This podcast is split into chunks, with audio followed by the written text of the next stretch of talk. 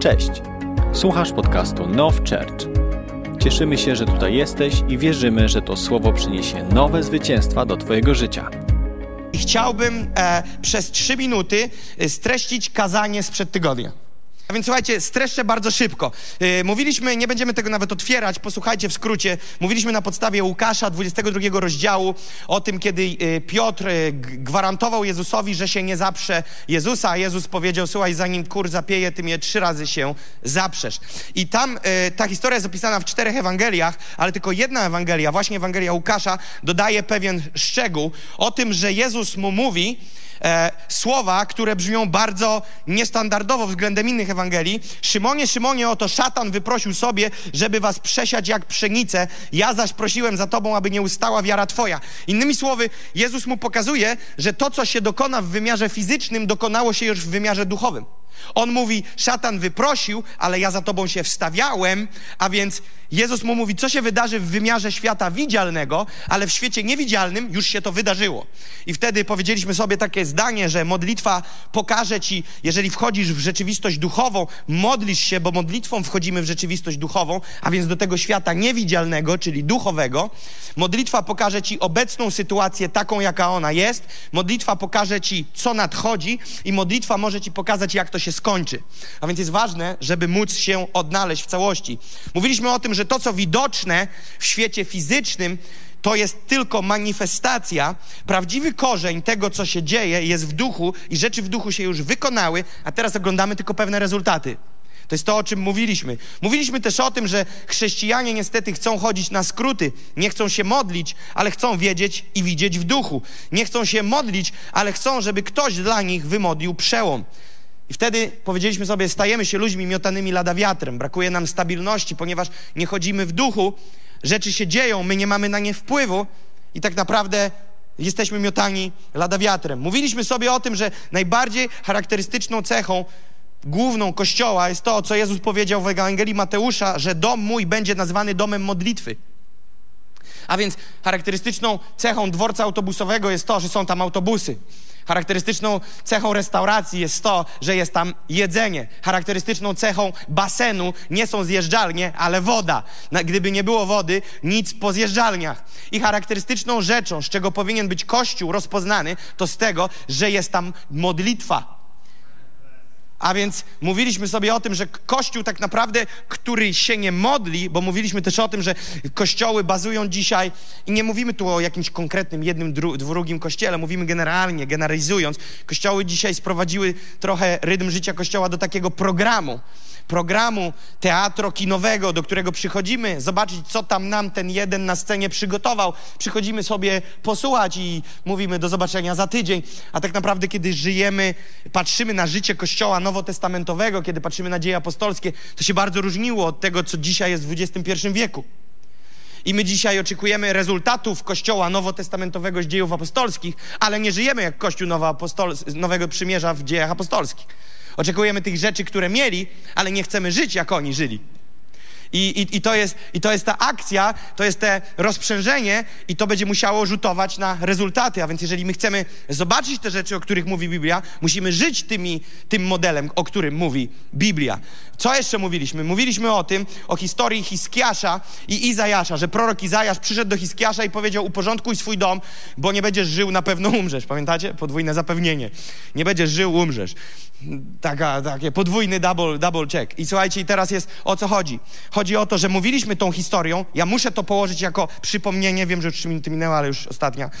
Muszę to położyć, bo nie zrozumiemy dalszej części, która jest dzisiaj. I mówiliśmy o tym, że w modlitwie możesz rozmawiać z Bogiem, dlatego nie łapcie z kontekstu, odsłuchajcie tydzień temu, i możesz ustalać z Nim ciąg wydarzeń. W modlitwie możesz no nie chcę powiedzieć wpływać, ale tak by wychodziło, wpływać na Boże wyroki. I tą historią Hiskiasza i Izajasza pokazaliśmy sobie, że tak było. Bóg mówi do Izajasza, idź prorok do Hiskiasza do króla i powiedz, że jest po zawodach, że umrzesz. Na pewno umrzesz, nie będziesz żył. No i Hiskiasz słyszy ten wyrok od Izajasza i powiedzieliśmy sobie, gdybyśmy my byli na miejscu Hiskiasza i gdybyśmy mieli chorobę śmiertelną i modlili się do Pana, Boże uzdrów mnie. I gdyby przyszedł prorok Pana, Izajasz, który mówi, tak mówi Pan, nie będziesz żył, na pewno umrzesz, ilu z nas dalej modliłoby się o uzdrowienie? Jeżeli sam Pan ci mówi, nie będziesz żył, no to kto jeszcze może ci zagwarantować zmianę? Ale to, co się dzieje w tej historii, to jest to, że Hiskiasz nie postanawia zgodzić się z tą decyzją. I Izajasz, prorok, wychodzi od niego, a Hiskiasz zaczyna płakać, staje pod ścianą i zaczyna się modlić. I zanim Izajasz opuszcza teren, Bóg wysłuchuje modlitwy Hiskiasza i mówi do Izajasza: wróć i powiedz, że dodaje mu 15 lat życia. Więc widzimy tutaj inny poziom, w którym my zaczynamy mieć możliwość nie tyle co wiedzieć o sytuacji, ale mieć wpływ na sytuację. Jezus mówił o tym, że nie jesteście już tylko sługami, bo słudzy nie wiedzą, co czyni ich Pan, ale nazwałem was moimi przyjaciółmi. A więc można być na jednym poziomie sługą Pana, ale nie wiedzieć, co Pan czyni, a można wejść na poziom przyjaciela z Bogiem, w którym nagle przyjaciel z przyjacielem dzieli się sekretami. A więc my rozmawiamy o tym, żeby pójść dalej niż tylko, w cudzysłowie, tylko czczenie Pana Boga. Wiecie, to tak bardzo wzniośle brzmi, ale tak naprawdę brakuje w tym połączenia do rzeczywistego życia, do praktycznego życia. A więc Hiskiarz się modlił, a Pan zmienił werdykt i daje mu 15 lat życia. Mówiliśmy też o tym w dziejach apostolskich, że Herod rzucił się na uczniów Jezusa i zamordował, stracił Jakuba i zapragnął stracić i Piotra. I wtrącił go do więzienia, siedział w więzieniu, na rano mieli go wyciąć. I co się dzieje? Ale Kościół się modlił. Kościół się nie modlił o Jakuba, dlatego Jakub zginął. Jakub nie zginął dlatego, że miał zachwianie wiary. Mówiłem taki przykład, że gdybym ja, załóżmy, nie wrócił z któregoś wyjazdu misyjnego, prawdopodobnie w kilka tygodni Polska postawiłaby na mnie werdykt, a jednak, a jednak to nie było prawdziwe. Gdyby to było prawdziwe, to by nie umarł. A że umarł, to Bóg go zdjął ze sceny, bo był zwiedziony. Jestem przekonany, że gdyby mi życia zabrakło, za chwilę, a tak nie będzie w imieniu Jezusa, ale gdyby tak było, gdyby tak było, pomyślcie, ilu ludzi w Polsce powiedziałoby, to był fałszywy prorok. Ile ludzi by tak powiedziało? Jestem przekonany, że znaczna większość. Ale Jakub w tej historii nie zginął dlatego, że odwrócił się od Pana, bo chodził z Panem. On był jednym z najbliższych uczniów Jezusa.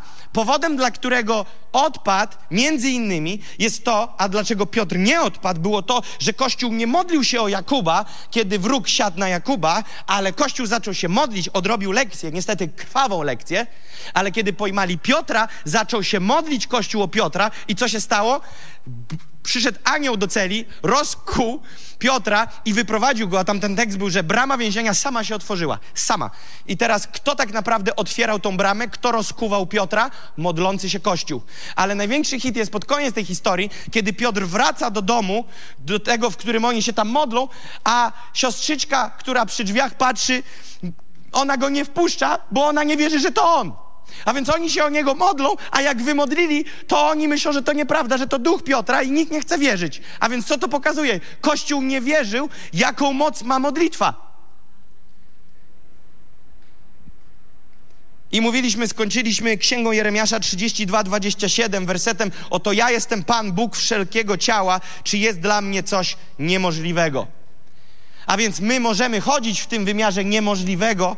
Zachęcam jeszcze raz, abyście naprawdę odsłuchali to, co było tydzień temu. I teraz przechodzimy do dzisiejszego i chciałbym wam powiedzieć, że według mnie powinno się udać, bo praktyka będzie w środę, powinno mi się udać w miarę krótko. Nie będę deklaracji składał. Ale w miarę krótko powinno być. Jak będzie was nudziło, zacznijcie ziewać, ja wtedy odbiorę sygnały. A więc słuchajcie, teraz jest pytanie takie. Dlaczego Jezus się modlił chodząc po ziemi? Syn Boży, Syn Boży, Jezus Chrystus, wszelka władza i moc. Jezus powiedział: Dana mi jest wszelka władza i moc. Jeżeli masz już pełną władzę i pełną moc, my się modlimy między innymi dlatego, że my nie mamy pełnej władzy, pełnej mocy. Jezus miał w Mateusza 28 jest napisane wprost. Dana mi jest wszelka władza i moc na niebie i ziemi. No masz władzę całkowitą. A mimo to Jezus się modli. Teraz, kiedy Jezus przyszedł na ziemię, przyjął postać człowieka, to moje pytanie jest takie. Czy Jezus w wieku dojrzałym, nie dyskutujmy o wieku niedojrzałym, tam dużo by było do dyskutowania, mówmy o wieku dojrzałym. A w szczególności mówmy już o temacie ogrodu Getsemany. Dojrzały mężczyzna, jako człowiek, dojrzały mężczyzna. Tu nie ma tematu nieświadomości. Czy wy uważacie, bo ja uważam, że tak, czy uważamy, że Jezus wiedział, jaki jest jego plan na ziemi, czy nie wiedział? Doskonale wiedział. Jezus doskonale wiedział, jaki jest jego plan. Jezus doskonale wiedział, po co przyszedł na ziemię. Jezus doskonale wiedział, przecież on nawet im to zapowiadał, zanim się to wydarzyło. Co zapowiadał? Zapowiadał o śmierci, zapowiadał o krzyżu, zapowiadał o odkupieniu. To wszystko było mówione. A więc on doskonale wiedział. Skoro wiedział i skoro był w perfekcyjnej relacji z Bogiem Ojcem, to dlaczego on się modlił? Można by było rzec, on nie potrzebował się modlić. No jeżeli on się modlił, to taki najpłytszy wniosek, który można by było wyciągnąć, skoro on musiał, to my na pewno. ok, ale spróbujmy zejść trochę głębiej. Jeżeli on się modlił, mając pełną władzę, pełną moc i niezachwianą relację z ojcem, bez żadnych przeszkód, tam nie było, że pytanie i czemu nie odpowiadasz. Tam nie ma żadnych przeszkód. Nie ma żadnego opóźnienia w decybelach. Nie ma żadnego trzeszczenia na łączach. Jest jeden do jednego. Są połączeni sercem. Jest napisane, że on nie mówił i nie czynił niczego, czego najpierw nie usłyszał od ojca. A więc wszystko, co robił, wszystko, co mówił, to to, co najpierw usłyszał. Przekaz jeden do jednego. Można by było rzec, że usta Jezusa były ustami Boga Ojca. Cokolwiek Bóg Ojciec wypowiadał, cokolwiek Bóg Ojciec chciał zrobić, czynił to przez Jezusa w ciele na ziemi. A mimo wszystko Jezus chodził, oddalał się, znikał i się modlił. Jeżeli on w takiej pozycji, w której już nie było nic więcej do zdobycia, się modlił, to zgadnij, czy ja i ty musimy się modlić. I teraz chcę powiedzieć takie zdanie, które jest niepełną odpowiedzią na to pytanie, dlaczego, skoro on to i my, ale odpowiedź w miarę brzmiałaby tak. Ponieważ wiedza tego, co nadchodzi, nie czyni cię częścią tego, co nadchodzi. I będę to rozwijał w kolejnych minutach. To, że coś wiesz, wcale nie czyni cię tego częścią.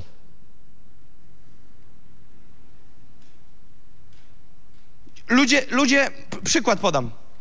Ludzie mogą być w pełni obeznani po kursach przedmałżeńskich, czym jest małżeństwo. Ale wiedza, czym jest małżeństwo, nie czyni z ciebie bardzo dobrego, owocującego małżeństwa. Ty możesz wiedzieć o małżeństwie, ty możesz nawet uczyć teorii o małżeństwie, ty możesz wykłady porobić o małżeństwie, ale wcale to nie oznacza, że ta wiedza przełoży się na praktykę. My możemy wiedzieć, że Jezus ma moc. My możemy wiedzieć, że dana moc Jezusowi jest dana i nam, ale możemy nie mieć mocy. My możemy wiedzieć, że możemy wskrzeszać zmarłych, ale nie wskrzeszamy zmarłych. Możemy wiedzieć, że możemy uzdrawiać, ale nie uzdrawiamy. Możemy wiedzieć, że rzeczy niemożliwe są dla nas możliwe, ale nie widzimy w naszym życiu rzeczy niemożliwe. A więc wiedza, obietnice i przeznaczenie to jedno, ale one nie są gwarantem wypełnienia, bo mamy przykład z życia wzięty, nie trzeba badań ani daleko szukać. Ty i ja. Nie działa wszystko tak, jakbyśmy chcieli, aby działało. Rzeczy, które wiemy, że są dla nas zapisane w Słowie Bożym, nie działają w naszym życiu. I to, co jest kanałem przerzutowym Bożego życia i tej wiedzy do wymiaru działania, jest modlitwa. Modlitwa jest kanałem przerzutowym. Modlitwa jest transmiterem, adapterem i dodaj sobie synonimy, jakie chcesz, żeby było łatwiej. Jeżeli się nie modlę, nie mam kanału przerzutowego Bożego życia do mojego życia. Prąd jest doprowadzony do budynku na Modlińskiej 6D. Prąd jest doprowadzony, ok? Są żaróweczki, są światełka, ale ten prąd, już zdradziłem mówiąc, został doprowadzony. Źródło prądu, gdzieś tam elektrownia ma swoją bazę. Ale to, że ta baza tam jest i nawet mi powiedzą, możecie mieć światełka na Modlińskiej 6D, jeszcze mi nie gwarantuje, że jest, bo ten prąd trzeba doprowadzić. A wiecie, co się dzieje podczas wichur, sztormów, burz? Czasami się dzieje, że jakieś drzewko spada na linię energetyczną, linia się przerywa i w domu nie ma światełka. Jest energia dostępna, elektryczna, ale kiedy przerwę łącza, ona nie zostanie do mnie doprowadzona. Boża moc jest dla mnie i dla ciebie dostępna. Boże życie jest dla mnie dostępne. Boża miłość jest dla mnie dostępna. Owoce ducha są dla mnie dostępne. Ale jeżeli nie mam połączenia między nim a mną, nie będzie mogło to spływać. My natomiast obracamy to tak. Tego nie mam, bo Bóg nie chce mi tego dać. To tak jakbym przerwał linię energetyczną między tym budynkiem a elektrownią i powiedział: Elektrownia się na mnie uwzięła. Z elektrowni przyjadą i powiedzą: Stary, u nas jest pełna moc dostępna, możesz brać ile chcesz. My ci chcemy dać. Nie, wy nie chcecie, bo gdybyście chcieli, to by świeciło. A on powie: Słuchaj, my chcemy, żeby świeciło. My nawet bardzo zależy nam, żeby świeciło, bo na tym polega biznes. Ale u was nie świeci nie dlatego, że my nie chcemy, tylko dlatego, że wy macie problem z przyłączem. My natomiast logikę gubimy i staramy się obwinić Boga, kiedy dochodzi do spraw duchowych.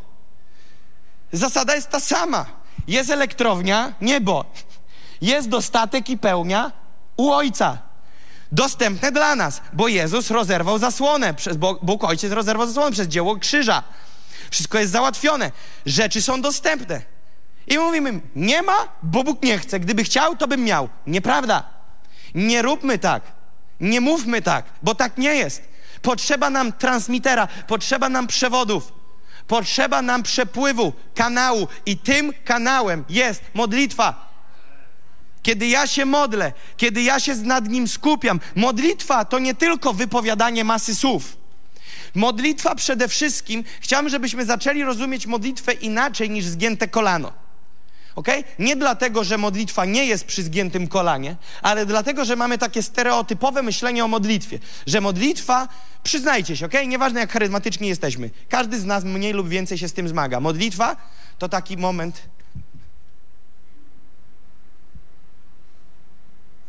Nawet nie umiem tej miny zrobić, ale tu musi spaść jeszcze. Tak, o tu, takie u do góry nogami.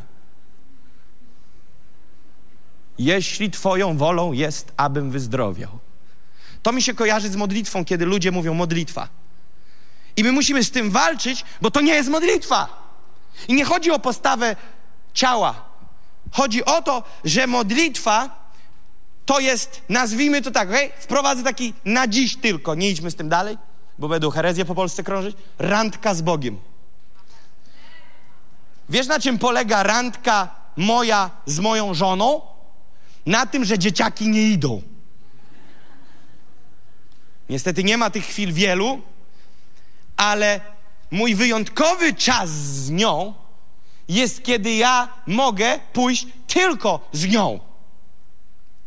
I ja mogę z nią też mieć relacje i dobrze się bawić w towarzystwie innym, innych ludzi. To nie jest złe, ale jest wymiar relacyjny z innymi ludźmi, a jest wymiar intymności. Jeżeli nie ma w Twoim życiu jako żony lub męża czasu randkowania z Twoim mężem lub żoną, to mam dla Ciebie słowo nieprorocze, logiczne. Będziecie y, umierać w tym małżeństwie. Ono się nie będzie rozwijało, bo trzeba o nie dbać, zabiegać. To jest logiczne. Coś, o co nie dbasz, będzie gasło. I Twoja randka z Bogiem, jeżeli nie będzie wprowadzana w życie, to niestety, ale Twoje małżeństwo z Bogiem, Twoje przymierze z Bogiem będzie obumierać. To jest logika. To nie trzeba wielkich wersetów na to. Coś, czego nie pielęgnujesz, padnie. Jeżeli ja nie będę pielęgnował mojej relacji z Bogiem, to moja relacja z Bogiem będzie usychać. Transmisja będzie przerwana. Nie jako odwet nieba na, na mnie. Masz, nie chciałeś, to teraz nie dostaniesz. Nie. Ja jestem temu winny. Biblia mówi, że Jezus na krzyżu powiedział: Wykonało się, czas przeszły. Rzeczy są dla mnie dostępne. Modlitwa jest przywilejem, nie obowiązkiem. Modlitwa jest coś. Za... Modlitwa nowotestamentowa, w której ja wchodzę zaakceptowany, wiesz ile ciebie kosztuje? Powiedzenie dla Netflixa nie. Albo powiedzenia dla spania o godzinę dłużej nie. A wiesz ile go kosztowało to? Krew, cierpienie i krzyż. To, że ja mogę do niego przyjść, jest teraz nie mogę, tylko muszę. My, zobaczcie, co my zrobiliśmy z tym. On za to zapłacił życiem, żebyśmy mogli, a my tak bardzo nie doceniamy tego, co się stało, że słowo mogę zmieniło się na słowo muszę. A to już chyba jest herezja. I my nagle mówimy, muszę się modlić. I nie chodzi o samo słowo, bo nie chodzi tu o grę słów, ale chodzi o to, że w naszej głowie stało się obowiązek. Muszę się modlić. Czyżby? Czyżby? Czy on myślisz, umierał, żeby ci było jeszcze trudniej? On oddał życie, żeby mi i tobie było łatwiej, żeby mieć nowe życie, a w nim radość, obfitość, bogactwo. Ja prosperuję w duszy, prosperuję w duchu, prosperuję w ciele, kiedy spotykam się z moim Bogiem. My zrobiliśmy z tego obowiązek. I teraz jaki sens jest mówić, ja nie bez powodu o tym mówię, bo jaki sens jest mówić o tym, jak piękna i potężna jest modlitwa, jeżeli modlitwa w naszej głowie jest muszę, a nie mogę. Jaki sens jest mówić o modlitwie, jaki sens jest robić modlitwę, jeżeli modlitwa jest muszę, to ona nie ma sensu. Nazwę to jeszcze zamotam. Pozdrawiam teraz tłumaczy. Zamotamy to jeszcze gorzej. Zabrzmi to tak. Muszę, bo umrę, ale nie modlę się, bo muszę, modlę się, bo mogę. Ok? Wiecie o co chodzi? Rzeczywiście musisz, jeżeli chcesz żyć, to nie jest kwestia mogę, nie mogę. Jeżeli chcesz żyć duchowo, musisz się modlić. Ale nie modlę się, bo muszę, modlę się, bo mogę. Ale dlatego, że mogę, będę żył. Ale musimy wykluczyć stąd ciężki rytuał religijny. Jeżeli to jest dla mnie i dla ciebie rytuałem, dla mnie i dla ciebie, nie mówię tylko do ciebie, mówię do mnie. Jeżeli dla mnie i dla ciebie to jest rytuał, ciężki schemat, gdzie muszę stanąć jak starotestamentowy Żyd pod ścianą i się bujać. Kiedyś obserwowałem jednego bujaka i wiecie, i patrzę i mówię, wow, i gościa namierzyłem jednego, bo ich tam wielu stoi. Pomyślałem sobie, będę namierzał tego jednego, kiedyś wam to mówiłem. I gościu nagle kończy, oddala się, tam jest jakiś chyba teren, gdzie można później wrócić do swojego życia. I tak, papierosek, energetyk, normalnie mówię kosmos. Hops, hops, i dalej do ściany. Mówię, ja nie rozumiem. Ja, ja nie rozumiem. To, nie, to jest dziwne. Coś jest dziwnego w tym, co się dzieje w tej chwili. On powinien stanąć pod tą ścianą i powiedzieć: Niech ta ściana spadnie mi na łeb. Bo żyję schizofrenią. Jedno żyje w moich ustach, a inne jest moim życiem. Są dwa inne światy. Proszę Cię, Panie, żeby prawda przyszła do mojego życia. Modlitwa to nie jest tak, że stoję na parkingu, kłócę się z żoną, wyzywam ochroniarza na bramie i tak dalej, i tak dalej, ale wejdę tu i wiesz, i tu jest ten moment ściany bujaka, bujaka i wychodzę. Ale ludzie tak myślą, że mogą wejść, zaliczyć coś i myślą, że liczone jest od momentu, kiedy się bujamy. To tak nie działa. Bóg, Bóg nigdy nie był zainteresowany religijnymi obrządkami. Tak, On chciał, to On wymyślił model ofiar. Ale do tego stopnia zobaczył, że Izraelici są oddaleni w swoim sercu od tego, co ich ręce i usta robią, Że wiecie, wiecie, co Jezus powiedział? Bóg powiedział do Izraela? Powiedział tak, że mam w obrzydzeniu wasze ofiary. Nie chcę ich już, bo wasze ofiary są tu, a wasze serce jest daleko ode mnie. Przestańcie to robić, bo to, jest, to są dwa światy. Jezus nigdy nie jest zainteresowany Twoim światem publicznym jako pierwsze. My myślimy, że my możemy, rozumiecie, żonę łokciem strzelić na wejściu. Bóg tego nie widzi, bo ty teraz wchodzisz do miejsca, w którym Bóg zobaczy. I on na korytarzu nie widzi, ty walisz mu z łokcia jej, rozumiecie, mąż żonie, żona mężowi. Uspokój się, już wchodzisz do kościoła, ty jędzo jedna. I teraz, panie, przychodzimy przed twoje oblicze. Myślisz, że Bóg ma problem z oczami? Myślisz, że Bóg tego przed drzwiami nie widzi? Że tego nie widzi w samochodzie, w tramwaju, na parkingu? Myślisz, że On nie wie, że Ty mówisz, siedź już cicho, ludzie są.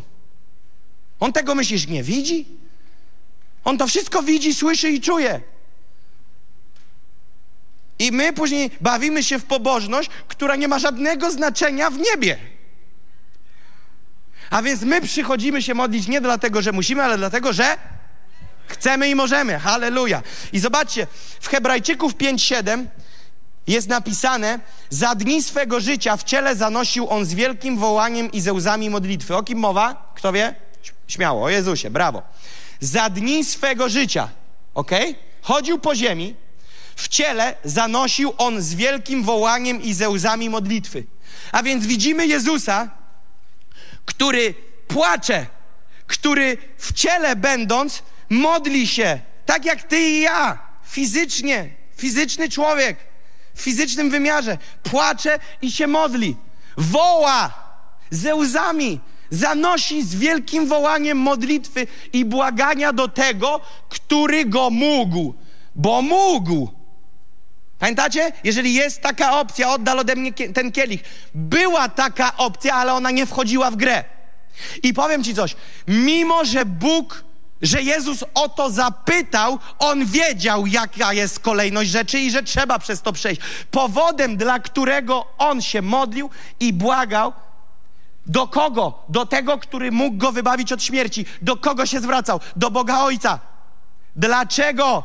Nie dlatego, żeby go wybawił, ale dlatego, żeby go wzmocnił. Skoro wiedział, co nadchodzi, to po co się modlił? Przecież on wiedział, po co przyszedł. On sam im mówił, po co przyszedł. Więc on się nie modlił o zmianę werdyktu. On modlił się, bo modlitwa go wzmacniała w tym dziele. Widzisz, możesz wiedzieć, dostać słowo prorocze, co się wydarzy, ale w modlitwie wchodzisz będąc jedno z tym słowem, stajesz się jedno z tą obietnicą. I tu pojawia się terminologia, którą by, która była na przywództwie w ogniu, jak zradzać rzeczy w duchu. Ponieważ, ponieważ zobaczcie, my wiemy, że ja mam Boga, mówmy o realnych rzeczach, ok? Takich najbardziej namacalnych. O czym? O tym, że, że Bóg może za, zaopatrzyć moje potrzeby finansowe, tak? Kto tego nie wie? Wszyscy wiedzą. A ilu z nas doświadczyło Boga, nie podnośmy rąk, który zaspokaja nasze finansowe potrzeby? Wiem, że są osoby, które tak, ale i są osoby, które nie. I mamy czasami taką akcję, że mamy, dwie, mamy jedną grupę ludzi i z tej grupy wyłaniają się dwie grupy. I, bo wszyscy się modlą o to, żeby się, załóżmy, finansowo coś zrobiło i jedna, i wszyscy w tej grupie wiedzą, że Bóg może. A nagle się dzieje, że w jednej grupie się to zadziało, a w drugiej się nie zadziało i nagle robią się dwa obozy w jednym, pod jednym dachem. I mówisz sobie tak, nie rozumiem. To Bóg tą kocha, tą nie kocha, tej odpowiedział, tej nie odpowiedział. Na czym polega patent? No przecież, kurczę, wszyscy mamy tą samą potrzebę, mamy tego samego ojca, zdradzamy się do tego samego, o to samo i ci tak, ci nie. Oczywiście, że są tak zwane czasy, momenty, chwile, nie wszystko zabijajmy do jednego wora, ale jest coś takiego jak zradzanie rzeczy w modlitwie. I już tłumaczę o co chodzi, bo najlepiej to pójść do słowa. A więc chciałbym, żebyśmy poszli do pierwszej księgi królewskiej 18. 18, 41 do 45. Ktoś chce z was wiedzieć, jak zradzać rzeczy w duchu? Halleluja. Ci, którzy byli na przywództwie w ogniu, będą mieli mikropowtórkę, ale nie mogłem oderwać się i uciec od myśli tej, że trzeba to powiedzieć dla całego Kościoła. Pierwsza Księga Królewska 18 od 41 do 45. Niesamowita historia, spróbujcie się wczuć w nią i wyobrazić sobie te wydarzenia. Potem Eliasz powiedział do Ahaba: Idź, jedz i pij. Słychać bowiem szum ulewnego deszczu. Ważna sprawa. Nie ma deszczu, trzy lata, jest susza. Wszyscy panikują. Wiesz, co się dzieje, jak w, przez trzy lata nie ma deszczu? Jeszcze na tamtych terenach? Trzy lata bez deszczu. Wiesz, o co chodzi?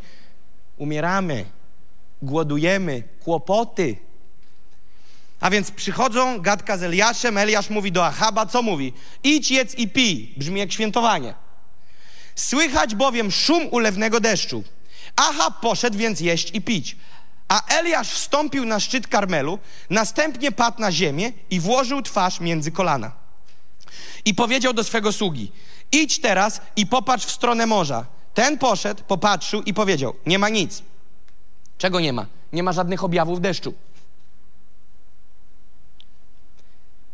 Wtedy powiedział: Idź i wracaj siedem razy. Spróbujcie sobie to wyobrazić. A za siódmym razem powiedział: Oto mała chmurka, jak dłoń człowieka, podnosi się z morza. Wtedy polecił mu: Idź, powiedz Achabowi, zaprzęgaj rydwan i zjeżdżaj, aby cię deszcz nie zatrzymał. Tymczasem niebo zaćmiło się od chmur i wiatru i spadł lewny deszcz. Achab zaś wsiadł do rydwanu i odjechał. I sobie miejscowość przetłumaczcie. Kochani, szokująca sprawa. Gościu znowu mówi o tym, co jest w przyszłości. Jezus mówił o tym, co było w przeszłości i o tym, co będzie w przyszłości, a Ahab mówi do niego teraz o tym, co będzie potem. Tak naprawdę poziom dalej pójdźmy. Eliasz, Eliasz mówi o tym, co słyszy i widzi, ale kiedy sługa ma to sprawdzić, czy to widzi i słyszy, mówi tego nie widzę i nie słyszę. Czy nie jest to fenomen? Zobaczcie, co tu jest napisane. Eliasz powiedział do Chaba: jedź, idź, idź, jedz i pij. Słychać bowiem szum ulewnego deszczu. Brzmi jak gruba ulewa, zgodzicie się? Słychać, on mówi, słyszę to. Słyszę szum ulewnego deszczu. Można by było powiedzieć, koniec suszy. Wykonało się, koniec tych trzech lat suszy. W końcu przełom, w końcu zmiany. Jak wielu z nas ma w swoim okresie symbolicznie trzy lata suszy w jakichś tematach w swoim życiu? Każdy z nas. Każdy z nas ma swoje trzy lata suszy. W różnych obszarach życia, w których modli się o przełom, w których oczekuje przełomu. Każdy z nas ma obszary, w których mówi: to już rok, to już dwa, to już trzy. I teraz co się dzieje? Eliasz, Eliasz nie mówi, Bóg mi powiedział. Chcę, żebyście to zobaczyli. Och, teraz to widzę. Tego nie było na przywództwie w ogniu. Nowe. E, oh. Eliasz nie mówi, Bóg mi powiedział. Widzicie to? My byśmy chcieli pod, podczas naszej wojny o przełom, podczas naszej walki w modlitwie o przełom, my byśmy chcieli powiedzieć, Pan mi powiedział, droga Doroto, droga Saro, drogi Filipie, synu mój, córko moja, wykonało się, możesz już iść, jeść i pić. Innymi słowy, nie trzeba już pościć, nie trzeba już się modlić, wykonało się, teraz już czekaj na przełom. Koniec! Wielu z nas by tak chciało, ale w tej historii tego nie ma. Nie ma tu Boga, który powiedział do Eliasza. Przy przykładzie Izajasza słyszeliśmy Hiskiasza, że Bóg powiedział do Izajasza, idź do Hiskiasza, ale tu nie ma akcji, do Eliasza Bóg mówi, idź powiedz do Ahaba. Nie, nie. Eliasz mówi, co? Eliasz mówi, słyszę szum ulewnego, wiat, ulewnego yy, deszczu. A więc on, Bóg, zobacz, Bóg może komunikować się z tobą i ze mną nie tylko słowami, ale obrazami. Kiedy ludzie mnie pytają, o Jakub, bo zawsze mówisz, Bóg mi powiedział. Jak on, jaki ma, jeden gość mnie pyta, jaka barwa jest jego głosu?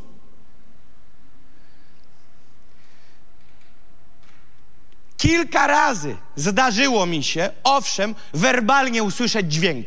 Dosłownie jak trąby. Ale kiedy w 9 na 10 przypadków, tak symbolicznie mówię, 9 na 10, Bóg do mnie mówi, to nie są werbalne słowa, które ja słyszę. To są rzeczy, to, są, to jest sposób komunikacji, który ja mam wyrobiony z Nim, On ze mną, który to On ze mną wyrobił. A z Eliaszem jaki był tutaj element? Bóg mu posłał w duchu dźwięk ulewnego deszczu. Nie powiedział mu, będzie deszcz. Włożył w... O, nowy temat jest. Ale nie dziś. Włożył w niego dźwięk, dźwięk, dźwięk ulewnego deszczu. Ale uwaga, w świecie widzialnym czy niewidzialnym? W świecie niewidzialnym, ponieważ jego sługa nic nie słyszy, nic nie widzi, mówi, nie ma nic. A ten mówi, ulewa, ulewa, ale tamten mówi, nie ma nic. Jak wielu z nas w naszym kraju, kiedy mówisz przebudzenie, przebudzenie, ludzie mówią, tak, amen, a drudzy mówią, jakie przebudzenie? Z klasyka, dotknij brzmienia przebudzenie i będziesz miał Eliasza i sługę. Jeden słyszy, drugi nie słyszy. Dlaczego? Bo przebudzenie się nie patrzy w świecie widzialnym. Jak już się będą zapełniać ulice ludźmi, którzy padają na twarz i mówią, co mam zrobić, żeby być zbawiony, no to każdy niewidomy duchowo stwierdzi, że jest przebudzenie. Kiedy Jezusa zobaczyli, jak z grobu wyszedł i objawił się dwóm uczniom idącym do Emaus, nie trudno powiedzieć, to On. Ale tylko Symeon, kiedy wziął na rączki małe dziecko w świątyni, zobaczył dzieciaka w pieluchach, ale zobaczył kogo? Mesjasza. Widzisz, jeżeli. Ale co było napisane przy Symeonie? Przy Symeonie było napisane pełen ducha, chodzący w duchu. Chodzisz w duchu, zobaczysz. Nie chodzisz w duchu, nie zobaczysz. A więc on zobaczył w świecie niewidzialnym, usłyszał w świecie niewidzialnym szum ulewnego deszczu. Wichura! Ale teraz, po tym, gdy zobaczył, bo w jakim obszarze jesteśmy, pamiętacie, jaki jest podtytuł teraz podrozdziału? Jak zradzać rzeczy, tak? Jesteście? I teraz zobaczcie, on usłyszał szum ulewnego deszczu i co robi następne? Włączmy to. Idzie i co robi? Eliasz wstąpił na szczyt Karmelu, następnie padł na ziemię i włożył twarz między kolana. Nie będę tego robił, bo wiecie, jak to wygląda. Wiecie, co to jest? To jest modlitwa, ok? Gościu się modli. Teraz można by było powiedzieć, po co się modlisz, skoro już wiesz, co będzie? Mm-mm. Wiedzieć, co nadchodzi, to jedno, a zrodzić to w duchu, żeby naprawdę się wydarzyło w świecie widzialnym, to drugie.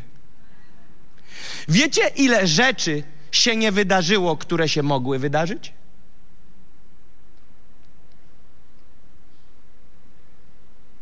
Bo wiedza nie czyni cię tego częścią, przypominam. Eliasz nie poszedł jeść i pić z Achabem. Bo teraz Eliasz idzie, innymi słowy powiem tak trochę trochę zabrzmi, jakby coś trzeba było wy, zasłużyć sobie, ale nic z tych rzeczy. Ale Eliasz idzie wymodlić to, co ma nadejść. No to zaraz, Jacob, skoro ma to się nadejść, to po co to wymadlać? No właśnie tak to działa, że ludzie mamy, my mamy kłopot, bo my mamy wiedzę o tym, co dla nas jest, mamy słowa, obietnice prorocze, co jest, ale to jest w świecie niewidzialnym, jak wielu z nas słyszało słowo od kogoś podczas modlitwy, nie podnoście rąk typu widzę jak nad twoim życiem i tam jakaś dobra rzecz, ok? Widzę jak ktoś do kogoś mówi, widzę, że nad twoim życiem przychodzi przełom. A ty co? Ha, ha, i przestajesz jeść i pić? Teraz jest czas docisnąć. Co zrobić? Zradzać rzeczy w duchu. Jak? W modlitwie. A więc co? Eliasz teraz to, co zobaczył w świecie niewidzialnym, teraz sprowadza do świata widzialnego. Jak? W modlitwie. I teraz my mamy problem, bo na ile więcej nam wyraźny jest obraz świata widzialnego, fizycznego, niż obraz świata niewidzialnego, wtedy mamy rzeczywistość zakłamaną. Przykład taki bardzo banalny. Wchodzi do kościoła osoba, która ma smutek, przygnębienie, lęki, depresję, myśli samobójcze, ale nauczyła się aktorzyć od wielu lat. Przychodzi po pomoc, ale nie wie, że trzeba być szczerym. I ty pytasz tą osobę, jak się czujesz, a ta osoba z pięknym uśmiechem mówi: Super, cieszę się, że mogę tu być. I ty mówisz tak: Wow. Nie widzisz w świecie niewidzialnym, co się dzieje, widzisz tylko w świecie widzialnym. Wystarczy, że ci dała uśmiech i ty myślisz, że wszystko gra. A w świecie niewidzialnym smutek, lęk, fobie, depresje, niespane noce. I tego nie widać. Dlaczego? Bo bardziej widzimy świat widzialny niż niewidzialny. Ale jak ktoś kuma w duchu, to ten drugi najczęściej się źle czuje przy tym, przy kim ten jeden widzi. Bo on wie, że on wie. I ty wiesz, że się spocisz, mówiąc wszystko dobrze. Bo ty wiesz, że on wie. Wszystko dobrze. Na pewno? Bo widzę co innego. Super, mówię ci. I pamiętam, jak kiedyś do trzech razy sztuka docisnąłem osobę. Czyżby na pewno? I coraz mocniej, za trzecim balonik pęka, łzy, tragedia, mówi. Okej, okay, teraz rozmawiamy. Bo świat niewidzialny to ten świat prawdziwy. Świat widzialny to tylko, to, to, to tego nie w ogóle nie myślmy o tym, ok? Poskupmy się na korzeniu. Więc Eliasz mówi, nadchodzi przełom. I co wtedy robi? Zgina się w modlitwie i się modli. A w międzyczasie co robi? Mówi, ty sprawdzaj, czy się już to sprowadziło do świata widzialnego. Ja będę to ściągać, a ty sprawdzaj, czy już jest. O! Więc ja to holuję, mam pochyloną twarz do podłogi. Wiesz, co to oznacza? Nie widzę nieba, a więc nie widzę tych okoliczności. Nie chcę być mylony przez okoliczności. Kiedy jest termin płatności za dwa miesiące, to okej, okay, zerkam na konto, patrzę, nie ma, ale mam jeszcze 60 dni. Ale kiedy zostaje tydzień do końca i ty patrzysz na konto i się nic nie zmienia, zaczyna się adrenalina.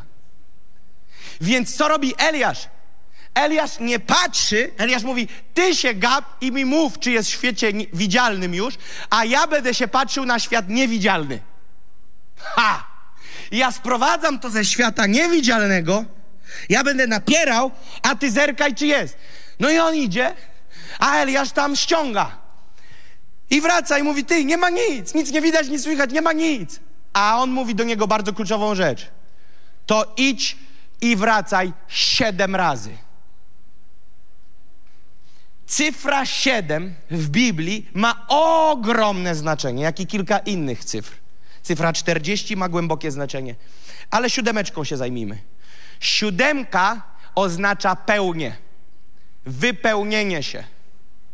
Pełnia, zamknięte. Cygl zamknięty, dokonało się, ok? Siódemka jest wypełnieniem się. I on mu mówi siedem razy. Siedem razy. Jak było z Jerychem? A? Podobna historia. No cóż, jaki numer? Siódemka znowu. I co się dzieje? Siedem razy zasuwaj, zasuwaj i wracaj, zasuwaj i wracaj. A więc co on robi? Ten w modlitwie coś tu ściąga, ale jest tu jakieś powiązanie z siedem razy. I teraz co się dzieje?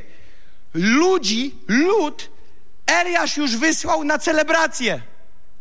Ale jeżeli wszyscy zajmą się celebracją, a nie będzie kogoś, kto to dopełni, będzie dzwon.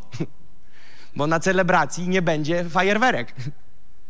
A więc potrzeba nam ludzi, którzy ściągają rzeczy w duchu. Widzicie, Kościół polega na tym, że w rzeczywistości duchowej wiele rzeczy trzeba ściągać. Z świata niewidzialnego do świata widzialnego. Jeżeli wszyscy zaczną myśleć, ja przychodzę do tego kościoła, bo w tym kościele dzieją się rzeczy, to pytanie, kto ściąga rzeczy?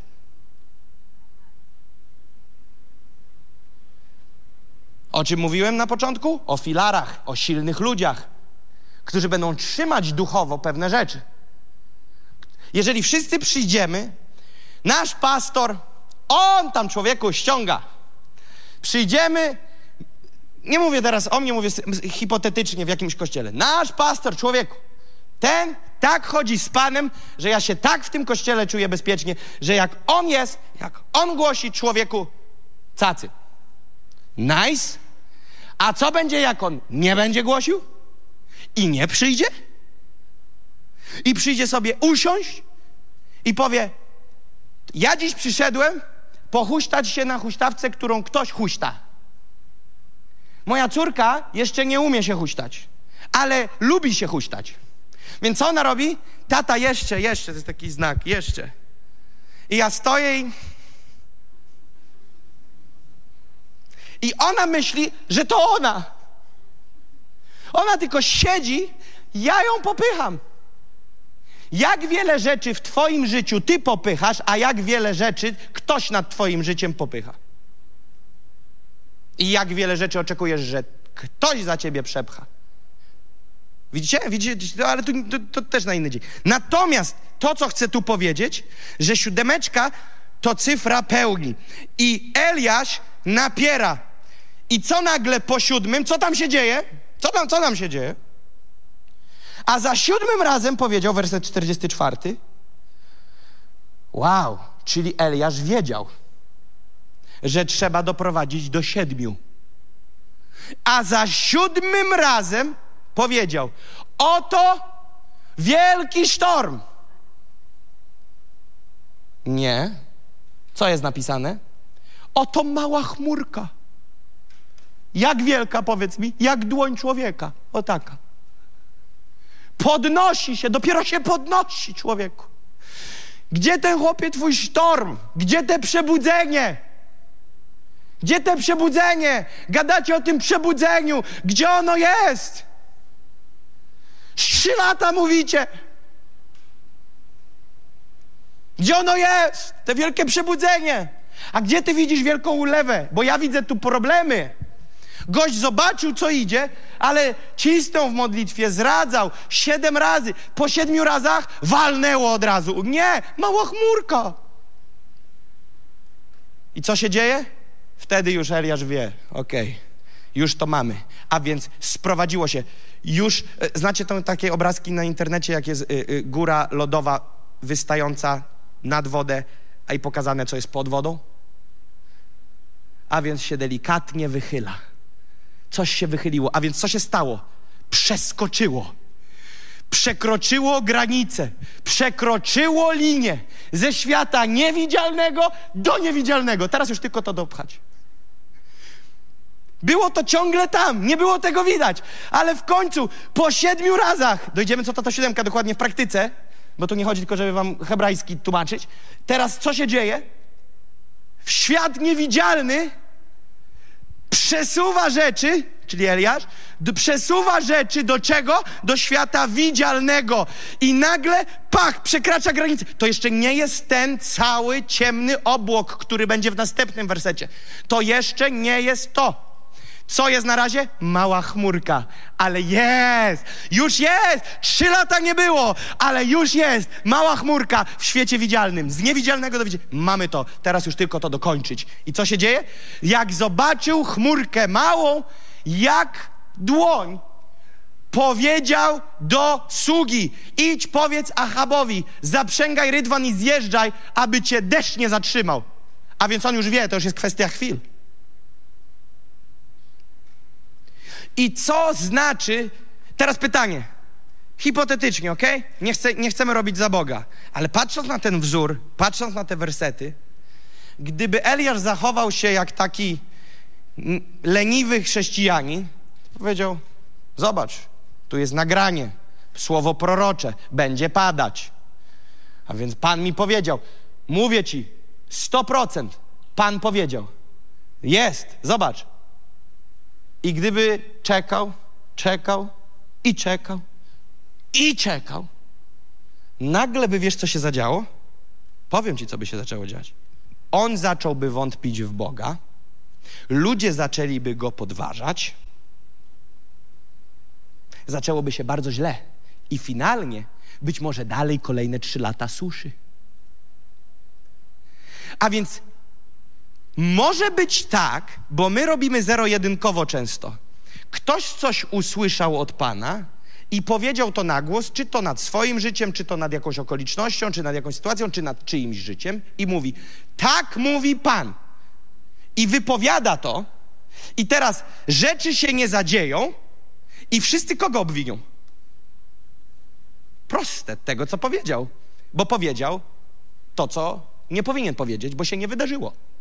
A, czyli co mamy? Fałszywy prorok. Żeby nie było, że wszyscy, co coś mówią, mają 100% racji. Ale nie zawsze to, że ktoś coś powiedział i się nie wydarzyło, oznacza, że on źle usłyszał. Bo mógł dobrze usłyszeć, ale nikt tego nie sprowadzał ze świata widzialnego, niewidzialnego do widzialnego. Znam ludzi, którzy usłyszeli nad swoim życiem, ja to słyszałem, za tyle i tyle lat. Tak mówi Pan. I niedługi odcinek czasu. Wejdziesz w służbę w takim obszarze. Ja to słyszałem. Widziałem to, kiedy to zostało wypowiedziane nad danym człowiekiem. Byłem osobą trzecią w tym. Widziałem, słyszałem. Widziałem, kto mówił, nad kim mówił. Zapisałem sobie datę, kiedy to było powiedziane i wrzuciłem sobie w kalendarz, kiedy się termin miał ziścić. Termin dobiegł końca, nic się nie zadziało. A człowiek rozczarowany, ten, którego się miało wydarzyć, że się nie wydarzyło. Tylko problem polegał na tym, że w życiu tego człowieka jego życie modlitewne nie było nawet na tym samym poziomie, co wtedy, tylko jeszcze gorzej.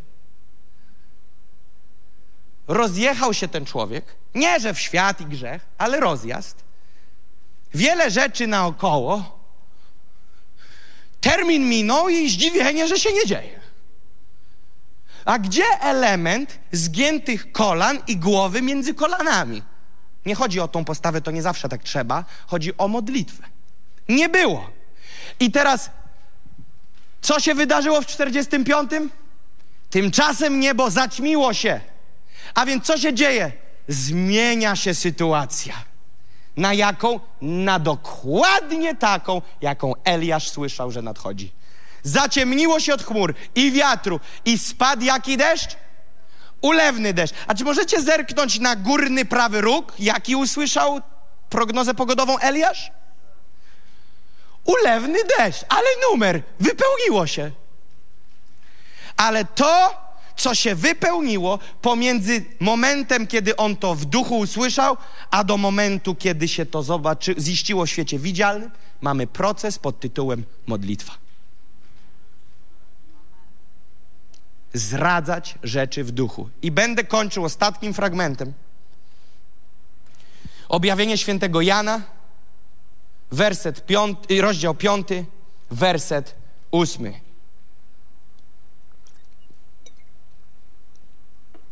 To jest bardzo kluczowe dla naszego kościoła. Wierzę, że dla każdego kościoła na świecie. To jest kluczowy werset dla życia kościoła. To jest kluczowy werset, jak zradzać rzeczy w modlitwie. Możemy przynieść. Dzięki panowie. Co mamy napisane? Oni sobie tu układają, nie patrzcie na nich, żeby się nie stresowali. Patrzcie, co jest napisane. A gdy ją wziął, upadły przed barankiem cztery postacie i dwudziestu czterech starców. A każdy z nich miał harfę. I teraz najważniejsze dla nas na dziś. I co miał? I złotą czaszę pełną wonności. Złota czasza pełna wonności. Ok? Jak wielu z Was wie, że w Biblii nie są to ciekawostki, tylko to są rzeczy dla nas ważne. Ok? Ktoś powie, człowieku, czasze złote, wonności, chłopie, poczytajmy o tym, jak Jezus powiedział, w której rybie będzie kasa. Poczytajmy coś dla mnie, coś praktycznego, nie chłopie jakieś wersety o czaszach. Co to w ogóle czasza? Wonności w czaszy. Co, co mi do tego? Sugerujesz, że jestem stary? Bo tam o 24 starcach. Rozumiecie? Więc zobaczcie, co jest napisane. Złotą czaszę pełną wonności. Są to modlitwy świętych. A więc co jest wonnością? Modlitwy świętych. A więc mamy tu sytuację, w której to, co tu jest opisane, nie jest na ziemi. To nie jest opis na ziemi, co Kościół robi. To jest, gdzie jest 24 starców? W niebie, wokoło tronu. A więc to jest to, co jest w niebie. I co jest w niebie? W niebie jest złota czasza. Wow! Złota czasza. Złota czasza, która jest napełniana, napełniana wonnościami, czyli czym? Modlitwami świętych. Nie wiem, w co ty wierzysz, ale ja wierzę, że system modlitewny będzie trochę inaczej wyglądał w niebie niż na ziemi i że tam nie będziemy musieli ściągać rzeczy, bo rzeczy już będą. Amen? Więc ja wierzę, że rozmawiamy tutaj o ludziach, którzy się modlą z dołu. A więc się Kościół modli, bo nie wiem, czy wiesz, ty i ja jesteśmy święci. Święci to nie są ci tam na oknach wymalowani. Jezus uczynił nas świętymi. Wszyscy jesteśmy święci, którzy się narodziliśmy na nowo z Bożego Ducha. I teraz największy hit tej historii jest taki, że my z dołu, o, z ziemi, kiedy się modlimy, to my poprzez modlitwy napełniamy w niebie te czasze naszymi modlitwami. A więc czasza jest w górze, w niebie, ale my napełniamy czaszę modlitwy, która jest w niebie, napełniamy ją z dołu z ziemi naszymi modlitwami. I teraz ta woda, wow, panowie, dosłownie potraktowaliście, miał być full. Magnezu nie wziąłem dziś rano, ale okej, okay, dobra. Magnezu, czyli ręce chodzą. Dobra, słuchajcie. To są nasze modlitwy. Amen? To reprezentuje, symbolizuje wonności. No nie chciałem tu lać Giorgio Armani. Musielibyśmy 10 ofiar zebrać. Albo Diora jakiegoś. Re perfum nie będę lał. A więc wodę wlaliśmy. I teraz, kiedy ja się modlę, to co ja robię? Ja napełniam czaszę modlitwą. W niebie odbierają jako wonności. Chcę miłą wonnością być. Śpiewaliśmy tak nawet kiedyś. Amen. Jak chcesz być miłą wonnością, to się módl. A więc wonność to modlitwa Kościoła, bo wydaje to przyjemny zapach. Więc teraz wracamy do Eliasza. Możemy połączyć objawienie 5.8 z Eliaszem i Achabem? A więc Eliasz na kolanach się modli. Co robi? Wypełnia, napełnia czaszę modlitwy w niebie. Sługa mówi, byłem raz, nic nie widzę. Eliasz mówi, to ja się modlę dalej ściągam, a ty szukaj na chmurek na górze. Nie ma. Trzy. Wraca. Nie ma. Cztery. Co się dzieje? Nie ma chmurek. Eliasz mówi, spokojnie, musi się wypełnić. Znam zasady duchowe. Co robię? Co robię się modląc? Zradzam rzeczy, amen? Czwarty raz. Nic. Piąty raz. Wiem, że jest adrenalina, starczy. Szósty raz. Co jest? Tyle już się modlę, tyle proszę, nic się nie dzieje, ale Pan jest wierny. Siódemka to siódemka. Siedem razy to siedem razy. Naaman ile razy miał się zanurzyć? Siedem razy. Będzie uzdrowiony. Czy po sześciu zanurzeniach w wodzie był uzdrowiony? Nie był. Wal do końca. Zradzaj. Post i modlitwa. Dociśnij. I wtedy co się dzieje? Modlę się do końca. Przelewa się. I moje modlitwy zostały wysłuchane.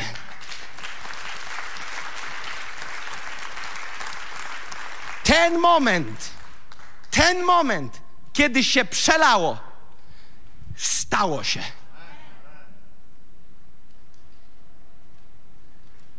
To dla wielu z Was widzę po reakcji jest nowa filozofia na życie, ale to jest słowo.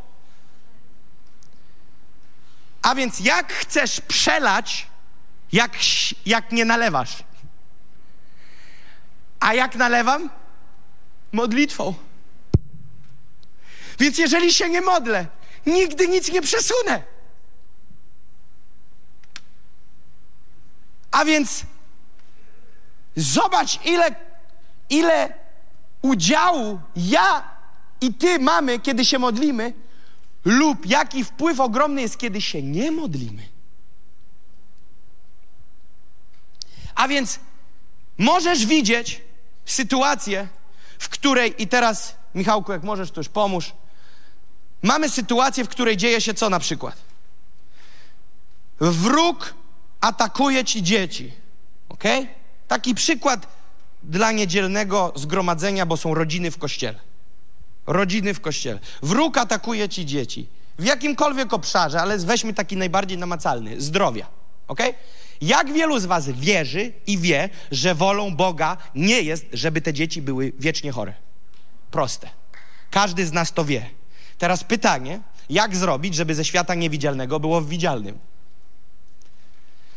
Kiedy temperaturka skacze, to ty nie mów temperaturko, proszę, chyba taka wola jest. Spadnij z 37 na 36,6. Nie rośnij. Nie, nie, nie. Temperaturka to tylko reakcja. Załóżmy, że nie mówimy o tym, że dziecko tam się przeziębiło, jakaś reakcja jest dziwna. Mówmy o takich naprawdę fermentach, ok? Coś jest nie tak. To się ciągle powtarza, to jest non-stop. Widzisz, że to nie jest normalne. No kurczę, niemożliwe. Jest tyle razy w roku to samo. Coś jest nie tak. Diabeł mnie skubie, skubie mi rodzinę. Po prostu nie może tak być. Wiesz, co trzeba zrobić? Ja nie wierzę, że wiecznie, wiecznie za każdym razem trzeba się tłuc. Ja wierzę, że trzeba stoczyć wiele, być może wiele, razy z diabłem w mocy i autorytecie Bożym wojenkę, ale w której finalnie go przegonisz, a nie odgonisz tylko na chwilę. Bo my często staramy się tylko zapobiec tymczasowym problemom. Diabeł nas okrada, załóżmy w obszarze zdrowia, w obszarze finansów, w obszarze relacji, a my zmagamy się tylko ze światem widzialnym i zmagamy się z pojedynczymi sytuacjami. I walczymy ciągle, o Panie, ja modlę się, żeby ta 76. relacja w moim życiu przyjacielska przetrwała. 75 się nie udało, ale może 76. Z portfela ciągle wypada. Worek bez dna, ciągle długi, ciągle problemy, ciągle kłopoty. Zdrowie siada, układ immunologiczny siada, wszystko się rozwala, coraz częściej u lekarza, coraz więcej w aptekach. W aptekach już cię znają, już wiedzą w jakich ubraniach przyjdziesz. Już wiedzą, o której wejdziesz. Nie masz wrażenia, że masz do czynienia z jakimś złodziejem nad Twoim życiem? I możesz się bawić w te pojedyncze sytuacje, ale może trzeba stoczyć bój z rabusiem. I może trzeba związać, tak jak jakiś człowiek, który może mnie ciągle nachodzić, i ja ciągle przy nachodzeniu mnie, tak nie ma, ale załóżmy, ktoś mi wchodzi do domu, ciągle puka, straszy, wrzuca kartki. Ja ciągle przy każdej kartce z groźbami mogę zadzwonić na policję i oni go tam złapią, spiszą, on powie, już nigdy tak nie zrobię, a pojutrze to samo. A może dojdzie do takiego miejsca, w którym taki agent dostanie zakaz zbliżania. I sprawa jest załatwiona. Widzisz, my musimy zamykać wrogowi paszczę. My musimy brać autorytet nad sytuacją i go związywać. W moim życiu miałem non-stop problemy z anginami. Miałem problemy z gardłem od młodego. Żarłem te antybiotyki jak nienormalny. Układ immunologiczny mi się wysypał, a później stałem się profesjonalnym sportowcem. Zgadnij, czy to idzie w parę. I akcja jest taka, że w piątek zaczyna gryźć po gardle, zaczyna swędzieć w środku, a rano masz już Saigon, już masz ogień. Wieczorem to już umierasz, a w poniedziałek ci wypiszą augmentin. I teraz, okej, okay, ja wezmę ten augmentin, na trzeci dzień mi ulży, każdy z nas z was schemat, tak? Co się dzieje z moim układem immunologicznym po antybiotyku? Każdy z was wie. Nie uczę was tutaj żadnych sztuczek nowych. Każdy z nas wie, wszystko siada, tak? I siada i coraz słabszy organizm, i coraz słabszy, i coraz słabszy, i coraz słabszy. I nagle ty już nie chorujesz tylko dlatego, że naprawdę poważne przypadki, tylko ty już po prostu ktoś obok ziewnie, a cię nie ma. I teraz, co się dzieje? Ja powiedziałem, nie, no tak to nie będzie, ja mam 20 parę lat, a to jest jakaś po prostu katastrofa. I wiecie, co zrobiłem? Na dwóch obszarach uderzyłem zakazałem tej anginie do mnie powracać i się zbliżać. I dwa, modliłem się o mój układ immunologiczny, żeby zostało odbudowane to, co wykosiłem antybiotykami. A trzeci ruch w świecie widzialnym to to, że trzeba o siebie zadbać. Z tym jest najtrudniej. I teraz o co chodzi? Ja doprowadzam do nowego poziomu. Ja nie muszę teraz całą moją większość życia, która jest przede mną, bo jeszcze więcej niż jest przed niż za, ja nie muszę teraz ciągle żyć w konsekwencji tego, co było, bo czas to przełamać, bo krew Chrystusa może to przełamać. Ktoś, kto żar narkotyki, wypruło komuś łeb do końca i każdy ci powie, będziesz się już jąkał, będziesz się już y, kręcił, będziesz wchodził, ale nie pamiętasz, którymi drzwiami wyjść. Już, rozumiesz? No przeżarty. Okej, okay, rozumiem, tak jest. Ale w świecie duchowym i poprzez dzieło krzyża możesz to zrestartować. Nawet bym rzekł, wypadałoby. Widzisz, przejmujesz dowodzenie nad rzeczami. Ale wiesz, co ci powiem?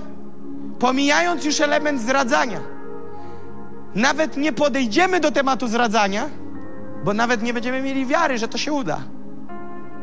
A wiesz, kiedy mi wiara rośnie? Kiedy czytam słowo i kiedy się modlę. Widzę, jakiego mam potężnego Boga. Biorę słowo i się modlę. Biorę słowo i się modlę. I wtedy chęć mi rośnie, aby zwyciężać. Chęć mi rośnie, aby zmieniać rzeczywistość. Chęć mi rośnie, aby przynosić przełomy i zmiany. I nagle zachęca mnie Bóg, żeby przestać myśleć, jak rzucać pagórkami, jak rzucać teraz Alpami. Wiara, Biblia mówi, choćbyś miał wiarę jak ziarnko gorczycy, jakbyś tej górze, tak? Niektórzy z nas przyzwyczaili się do przestawiania pagórków, ale nie mają odwagi, wiary, chęci, żeby zabrać się za wyżyny, większe szczyty. Ale choćbym miał wiarę jak ziarnko gorczycy, no widzisz, ale czasami nawet tej gorczycy nie ma. Bo tak się zakręciliśmy. Ja powiem Wam szczerze, włącz mi 10 minut reklam w telewizji i ja umrę bo oni mi powiedzą, że ja normalnie umrę, jak nie pójdę do lekarza teraz, zaszczepić się na wszystko, na co nie jestem chory, ale będę chory. Większość z nas na tej sali zna na pamięć tekst. Przed użyciem zapozna się z treścią ulotki dołączonej do opakowania bądź skonsultuj się z lekarzem lub farmaceutą, gdyż każdy lek niewłaściwie stosowany zagraża Twojemu życiu lub zdrowiu. To jest chore, że my to znamy na pamięć. I ja teraz oglądam tą telewizję, a oni mi tam mówią, z której strony ja umrę. Jak nie od Putina, to od kleszcza. Jak nie od kleszcza, to od komara. Rozumiecie? I zaszczep się, zaszczep się, zrób to, zrób tamto, weź to. I teraz, co, co mi to mówi? Jak ja tego nie zrobię, to po mnie. Więc ja nie chcę słuchać tych bzdur. Nie chcę tego słuchać. Zabieraj mi to sprzed oczu. Ludzie, którzy przychodzą i ciągle mówią, jak to się nie da, jak to się nie uda, jak to się, nawet jak zabierzemy, to umrzemy, po, utoniemy, to za duże, to za silne, to za potężne, tego nie da się przestawić. Nie mogę, ja, okej, okay, to nie wychodzi z braku szacunku do ciebie, ale zamknij się już, bo ja nie będę wierzył więcej. Nie mów mi już, jak bardzo się nie da. Wszyscy mówią, że się nie da. Nie bądź kolejnym, który mi dopowiesz, się nie da. Ja wiem, że po ludzku się nie da, ale w świecie niewidzialnym widziałem ulewę.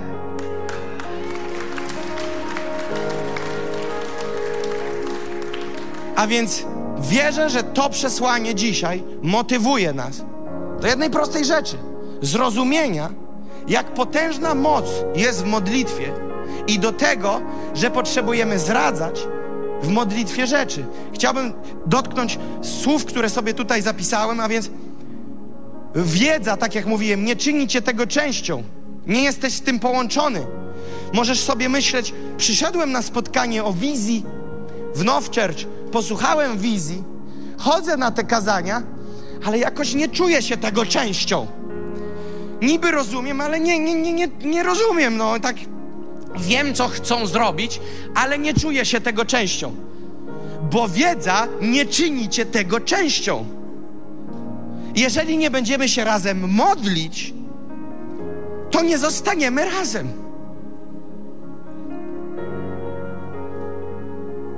Bo modlitwa nas jednoczy. Modlitwa łączy cię z rzeczywistością w duchu i osadza cię na tym oraz sprowadza rzeczy w modlitwie z duchowej rzeczywistości, z świata niewidzialnego do widzialnego i fizycznego. A więc możesz modlić się o rodzinę. Możesz rozkładać parasol ochrony nad swoją rodziną. Możesz rozkładać parasol ochrony nad swoimi dziećmi. Jeżeli masz swoich rodziców nienawróconych, możesz modlić się o zbawienie swoich rodziców, dziadka, babci. Uderzaj w modlitwie, załatw sprawę w modlitwie. Kiedy moja babcia od strony mojego taty, czyli mama mojego taty, dzisiaj już jej nie ma z nami, jest już w lepszym miejscu, ale całe życie wskazywała na to, że pójdzie do piekła. Kiedy się do niej mówiło o Bogu, to ona mówiła: idź ty durniu. Kiedy mówiłeś jej o zbawieniu, ona mówiła: idź ty durniu. O tak. Tak mówiła. Idź ty, durniu, mówi. Przestań mi tu gadać głupoty. Dosłownie. Myślisz sobie, jak, jak to się nawróci, to będzie cud. Dosłownie, jak to się nawróci. To jest niewiarygodne. Szydera po prostu. Tak w stronę nieba, co potrafiła powiedzieć, po prostu rzucić wyzwanie, jak tam jesteś, to mnie zabij. Mówię wam, cudawianki. A moi rodzice, my napieramy. Od dziecka pamiętam, modliliśmy się. Panie Jezu, prosimy Cię, modlimy się o zbawienie babci, dziadka, znaczy ja do babci zawsze po imieniu, czyli Zosi i tak dalej. I, i, i pamiętam jeden dzień, gdzie wcześniejsze próby po prostu idź ty durniu. I siedzimy nagle My już nie zaczynamy, bo będzie iść ty durniu. A ona mówi tak, przy nas wszystkich, w saloniku, na obiadku. Chce się nawrócić.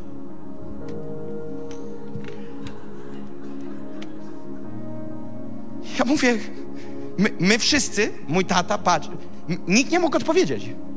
My myśleliśmy, że ona robi jaja, bo to niezły jajcarz był. I my myślimy, ona se robi jaja z nas. Ale co chce się nawrócić? No, kiedyś mówiłam wam, że przyjdzie mój czas, więc przyszedł, chcę się nawrócić. Mówię wam, dosłownie, nic wam nie koloryzuje. Weźcie mi jakąś Biblię, przynieście. Wypiszcie mi, co ja mam czytać. Ty, my, my, my próbujemy to dotykać, czy to prawdziwe, rozumiecie? No bo to, to, to, nie, to nienormalne jest. Finał finałów, ochrzciliśmy ją, Oddała swoje życie Jezusowi, Biblia otwarta na stoliku każdego dnia, do kościoła przychodziła na każde spotkanie i taki był finał jej życia. I myślisz sobie, abstrakcja, ale wiesz ile zajęło, zajęło to moim rodzicom? 30 ponad lat. 30 lat zradzania tego. 30 lat. I wiesz jaki finał jest? Wszyscy dziadkowie od mamy i taty trójka ich była, bo tata mojego taty zmarł, kiedy mój tata miał około trzech lat. Wszyscy nowonarodzeni. Wszyscy nowonarodzeni. I możesz sobie myśleć, modlę się już dwa tygodnie i nic się nie dzieje. Wow! To przypomnij sobie historię o mojej babci. Lat 30 w modlitwie. Czemu 30? Bo plus minus 30 lat nawrót, y, chodzenia z Panem moich ponad już teraz wszystko, ale ja mam 30, kurczę. Więc to wszystko się wydłuża. Oni się nawrócili i od tego dnia walczyli. Możesz walczyć o uzdrowienie swoich dzieci. Możesz walczyć w modlitwie o przełomy w swojej pracy. To, że babcia była alkoholiczką, mama była alkoholiczką, to nie znaczy, że ty będziesz alkoholiczką i tym bardziej, że twoje dzieci będą alkoholiczką. Nie ma takiej opcji. Przełamujesz to, łamiesz to, zmieniasz to. I w modlitwie wszyscy byli wiecznie biedni, wiecznie nie było na chleb. Okej, okay, z jakiegoś powodu tak było, ale nie za mojego pokolenia. Nie za mojego pokolenia. To, że moja prababcia nigdy na wakacje nawet nad, nad zalew nie pojechała, to, że babcia, mama i ja z mamą nigdy nigdzie nie byłem, to nie znaczy, że ja nie będę i że moje dzieci ze mną nie będą. Ale jeżeli przyzwyczajamy się do tego standardu pobitego na, na wiecie, na, na marginesie, to nagle stajemy się więźniem z wyboru. A to trzeba załamać. To trzeba zmienić i zobaczyć nową rzeczywistość. A więc zachęcam Was, nie na siłę, bo często z tego robią się dziwne rzeczy, ale pozwól Bogu stworzyć z Tobą nowy język. Może obrazy, ilustracje. Obraz, On będzie Ci dawał obraz. Powiedziałem to na przywództwie w ogniu. Ja na This is Our Time 2023 już byłem. Powtórzę jeszcze raz. Na This is Our Time 2023, które będzie za trzy miesiące, ja już byłem. Ja zachęcam Was do eventu, na którym już byłem. Ja już to widziałem. I zachęcam Was, żebyście przyszli, bo tam było fajnie. Więc mówię Wam, możesz rzeczy widzieć. Nie mieliście tak, świat to nazywa déjà vu, ale w rzeczywistości duchowej jest to prawdziwe. Widzisz coś w duchu i nagle spotykasz się i świat widzialny nakłada się na niewidzialny, to co widziałeś kiedyś mówisz, to już było. To już kurcie było. Co to jest? I zastanawiam się, to jest, to jest niewiarygodne. Przecież ja to już widziałem, ja wiem i bam się dzieje. Mówisz, kurczę. Dlaczego? Bo się świat widzialny spotyka z wypełnieniem się tego, co było w świecie niewidzialnym. I oczywiście, że ludzie, którzy tworzą religię New Age, szamani i inne dziwne akcje, wchodzą w ten świat, ale to się źle kończy, bo zawsze kończy się katastrofą. My natomiast jesteśmy po dobrej stronie mocy, po Bożej stronie. I my tam nie zwariujemy. Zwłaszcza jeśli jesteśmy jako Kościół razem i mamy siebie nawzajem, i jak ktoś zaczyna świrować, to jest obok ktoś, kto może komuś powiedzieć: Słuchaj, odlatujesz w kosmos, wracaj, ściągamy cię teraz ze świata kosmosu na Ziemię. I dlatego piękny jest Kościół, bo przejawiają się dary, bo przejawiają się słowa wiedzy, możemy sobie nawzajem usługiwać, pomagać, wspierać. Na przykład jesteś w potrzebie i masz relację i ktoś z twojej grupy wysyła ci SMS-a. Słuchaj, Bóg mi dał słowo na twój temat. Słowo brzmi tak i tak i tak. Nie wiem, czy coś dla ciebie znaczy, dla mnie niewiele, a może dla ciebie tak. Bum. Wczoraj jedna osoba do mnie podchodzi jedno słowo mówi. No, wiesz co, mam w sercu ci powiedzieć tylko jedno słowo. Strategia. A wiesz, co jest moim, moją modlitwą w ostatnich miesiącach? Strategia. Jak odebrać nową strategię, nową strategię. I ta osoba mówi, nie, nie, nie co, co, co, co, coś ci mówi? Ja mówię, tak, no główny temat modli. Więc to znaczy, że Bóg jeszcze bardziej tuninguje.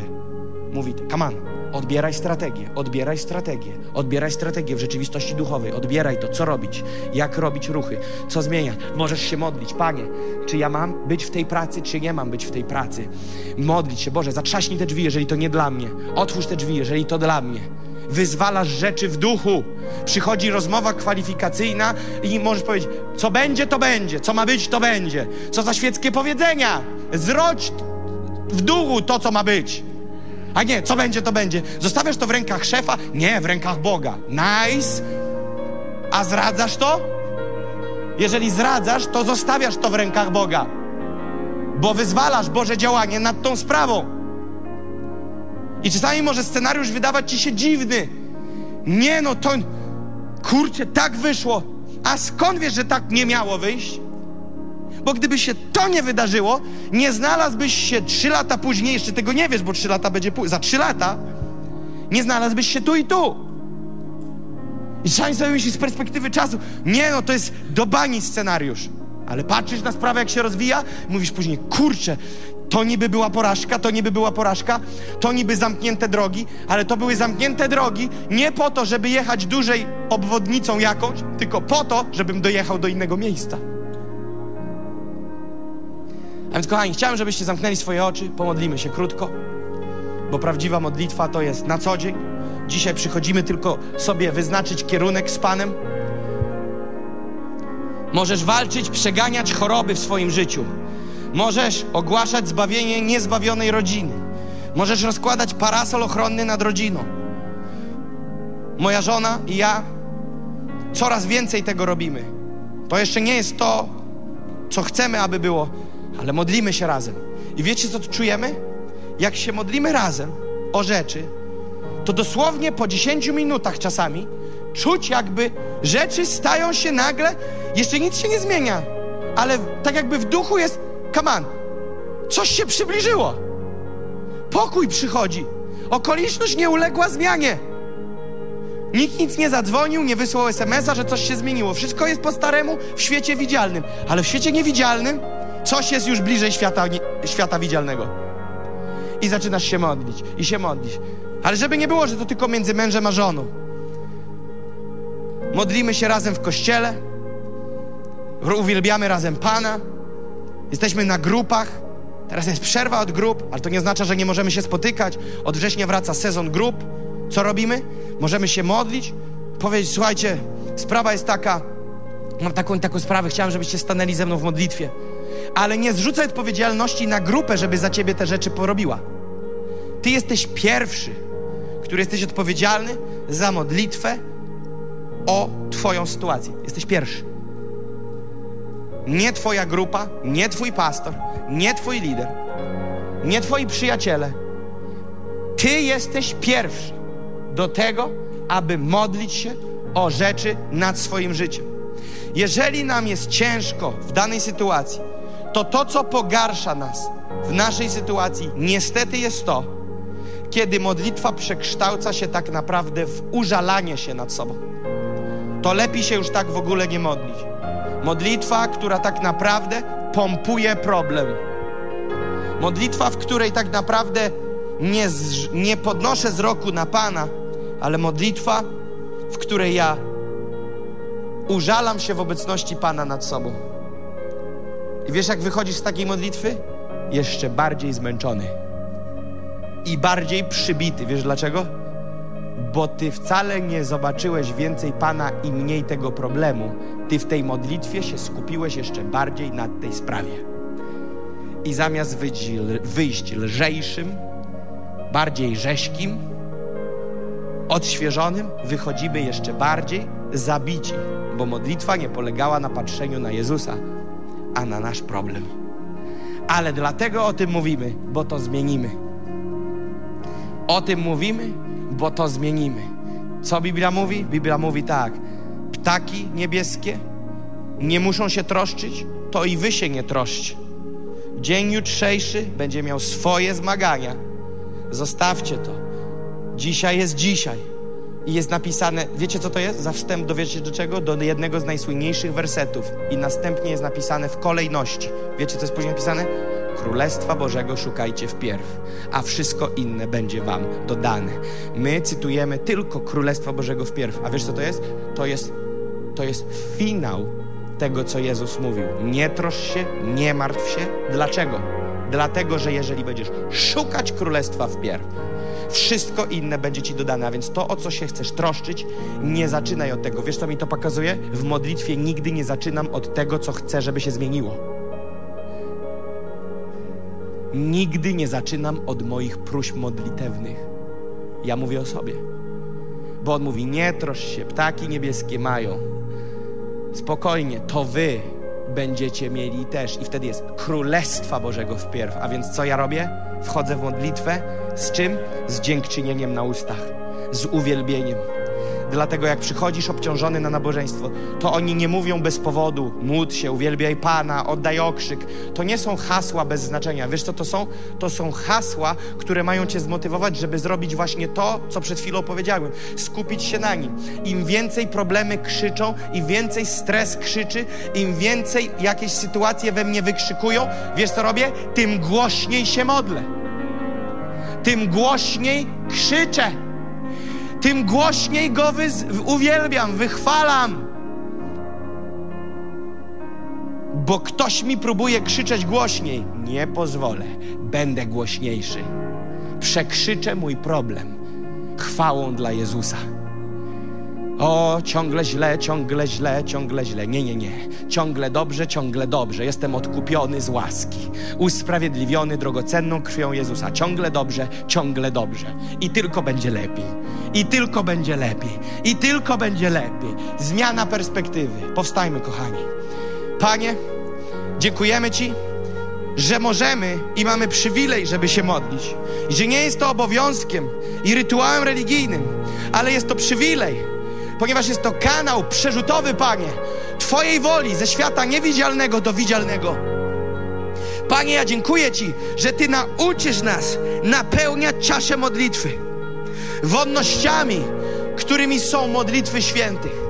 Panie, ja modlę się, żebyśmy umieli modlić się do, po siedmiokroć. Czyli do czego? Do miejsca przełomu.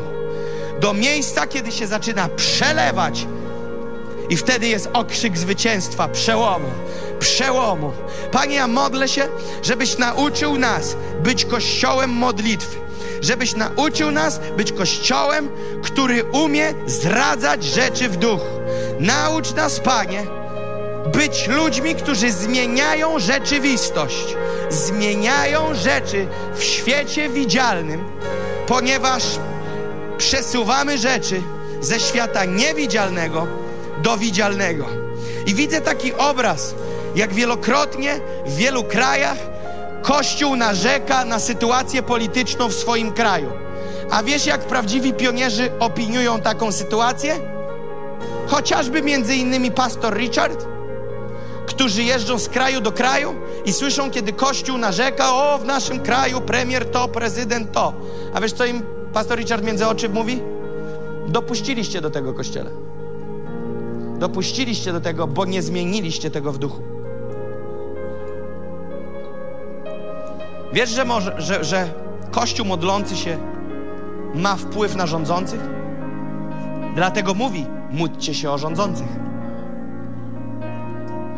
Wiesz, że gdybyśmy tak naprawdę czuli power jako Kościół w Polsce, ja nie mówię, czy trzeba, czy nie trzeba, to nie od tego jest Kościół dzisiaj, to gdyby trzeba lub nie trzeba, to byśmy przerzucili trochę w rządzie. W krajach, w których są kościoły,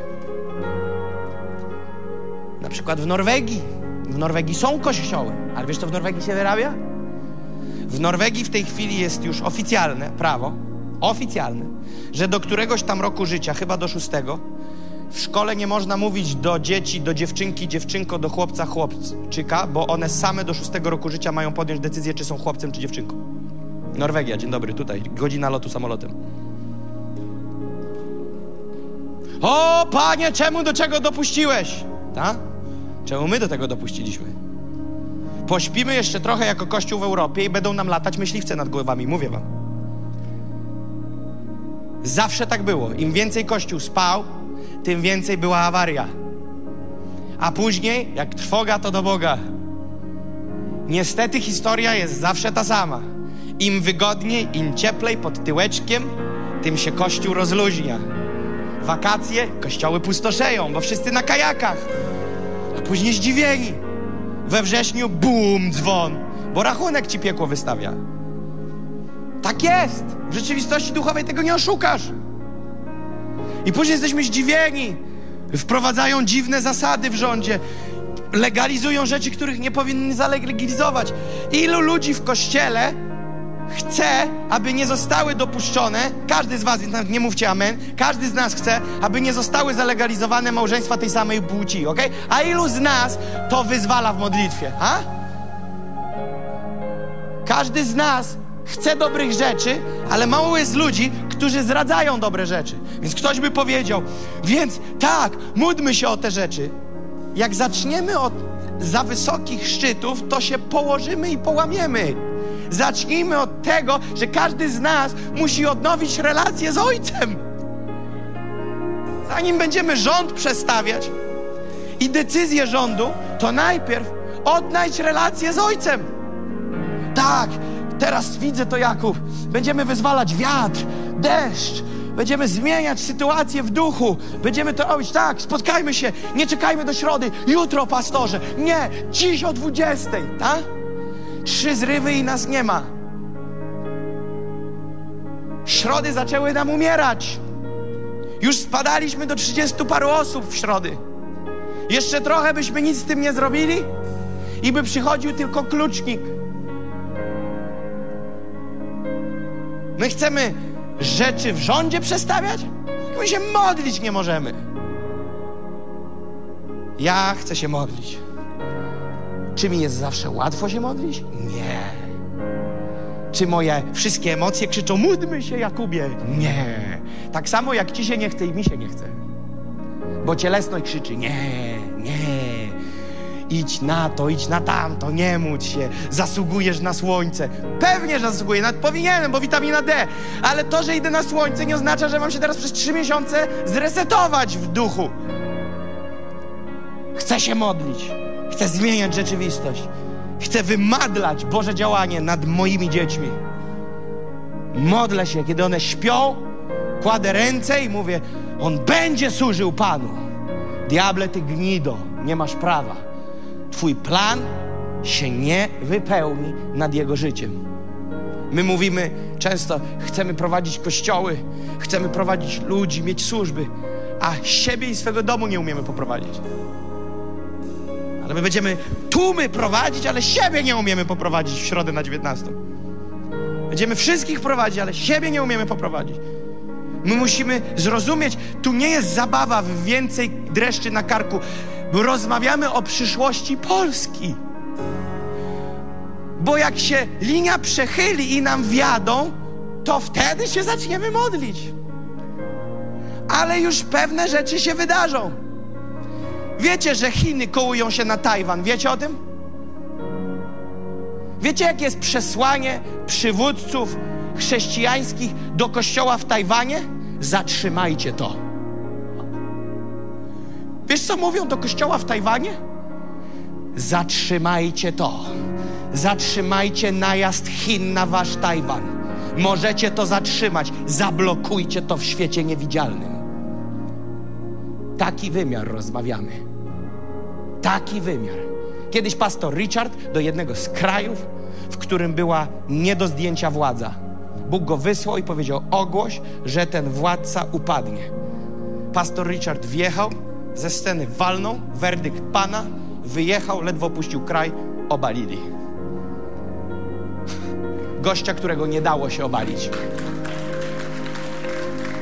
Możemy mieć kontrolę nad sytuacją, ale nie będzie żadnej kontroli przez petycję na fejsie. Nie będzie żadnej kontroli przez ankietę na Instagramie. Nie będzie żadnej zmiany przez posty na Facebooku. Prawdziwe zmiany robi się w modlitwie. My możemy później mówić na Facebooku, co tam myślimy, żeby pobudzać świadomość ludzi, ale nic się nie zmieni pobudzaniem świadomości. Wszyscy wszystkim zawsze próbują coś pobudzić, nigdy nie wychodzi. Kościół musi się modlić. My możemy mówić, że władcy tego świata i tak dalej planują to, tamto, że będą to robić i tamto, że zło będzie eskalować i to wszystko możemy opowiadać. I co z tego, jak skończy się komentarzem na Facebooku, tak, budźmy się, więcej nas. Nic, nawet jak będą nas miliony, nie, a świadomość sama nic nie zmienia. Marsz po ulicy nic nie zmieni. To może być dodatkowym czymś. Ja w sercu mam od kilku lat, żeby robić grube uwielbienie na ulicach różnych miast w Polsce.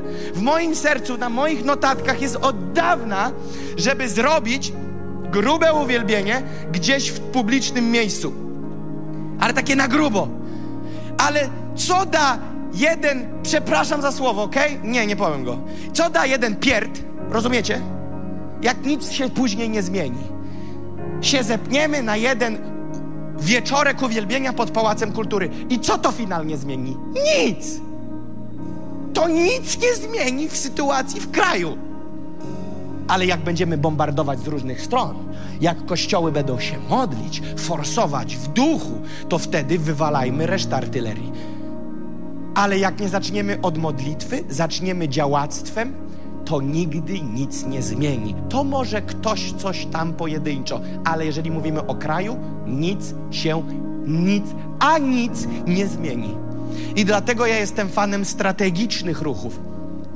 Bo celem nie jest przeżyć coś ty i ja. Celem jest, aby nasze dzieci i dzieci naszych dzieci, jeżeli jeszcze cokolwiek tu na tej ziemi będzie, żeby dzieci naszych dzieci żyły w kraju, w którym da się publicznie mówić o Jezusie bo diabeł chce zrobić imię Jezusa zakazanym. Jeden z głównych ekonomistów globalnych na świecie w wywiadzie ostatnio widziałem, powiedział, że trzeba przestać wierzyć w głupoty o jakiejś duchowości, wolnej woli i o tym dziwnym Jezusie. Nie ma żadnego Jezusa, nie było żadnego Jezusa. Ekonomista, kim on jest? I mówi, że trzeba przestać wierzyć w głupoty o jakiejś duchowości i o wolnej woli. Skąd chłop zna terminologię, których podobno nie ma? Oni zawsze walczą z tym, co jest. Wyobrażasz to sobie? Światowe głowy mówią, trzeba przestać wierzyć w to głupoty. Oni, przez, oni przyspieszają. A Kościół? Kajaki. Kaman. Na kajaki. Ja też chcę iść na kajaki. Mówcie, kiedy idziecie, może mi się uda. Ja nie jestem przeciwny kajakom, ale nie może być, że Kościół w swoich aktywnościach ma kajak, kiełbę, grilla, chodzenie po drzewach, wyjazdy do Czarnogóry i raz w miesiącu wpadam do domu odsłuchać ze streama Nabo. Serio? To powiedz swoim dzieciom lub wnukom, zależy w jakim wieku jest i powiedz tak. Jesteśmy leniwi będziecie mieli problem, bo my jesteśmy leniwe krowy. Nic nie zmienimy. Będziecie mieli kłopoty w waszym pokoleniu, bo my nic nie zmieniamy. Ale zmienimy. Przez minutę pomóc się swoimi słowami. Ja będę też swoimi, ale nie idź za mną. Idź swoimi słowami. O, się o to, żeby Bóg ci pobudził świadomość. Minutę. Żeby Bóg ci pobudził świadomość, że Kościół musi być kościołem, który się modli.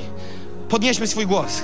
Halleluja, Panie, modlimy się, abyś pobudził w nas świadomość, że my potrzebujemy być kościołem modlitwy.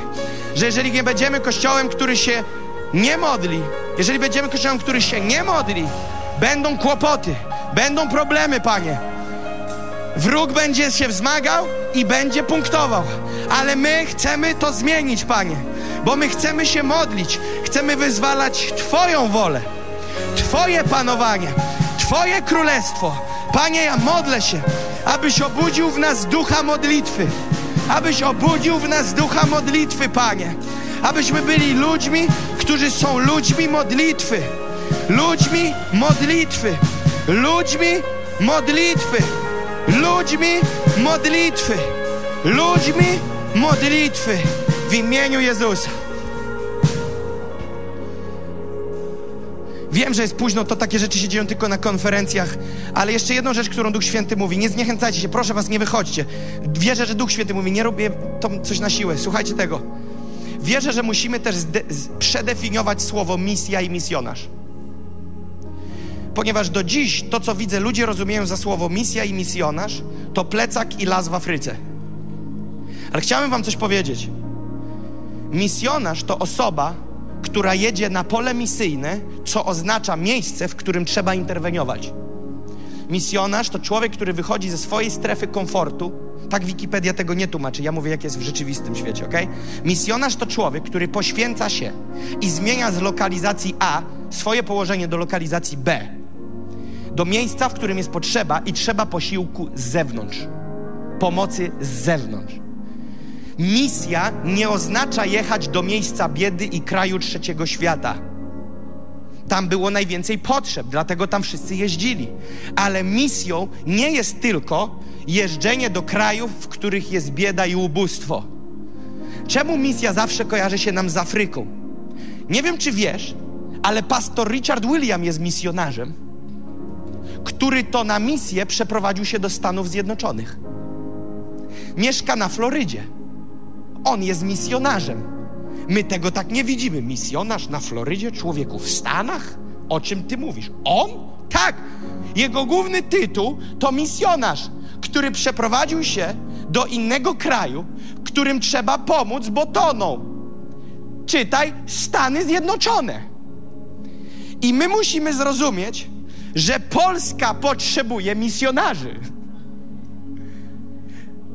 I nie tylko innych obcokrajowców do Polski, co też, ale my potrzebujemy też zrozumieć, że my jesteśmy w głębokiej potrzebie i jak jeszcze bardzo będziemy myśleć o tym, że my musimy wyjechać, to zawali się nam konstrukcja tu.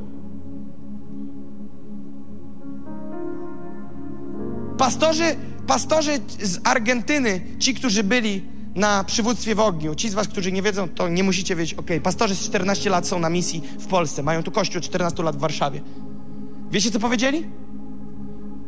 Że tu Polacy myślą o wyjeżdżaniu na misję, a świat myśli o misjonarzach do Polski. Bo u nas jest bida, duchowa bida. Tak nas postrzegają. A my, my się poczuwamy za fajterów i trochę być może jest to spowodowane tym, że my nie rozumiemy, jak źle jest. I myślimy sobie, pojedźmy, a co z moją ziemią? Co z moim krajem? Co z moją Polską?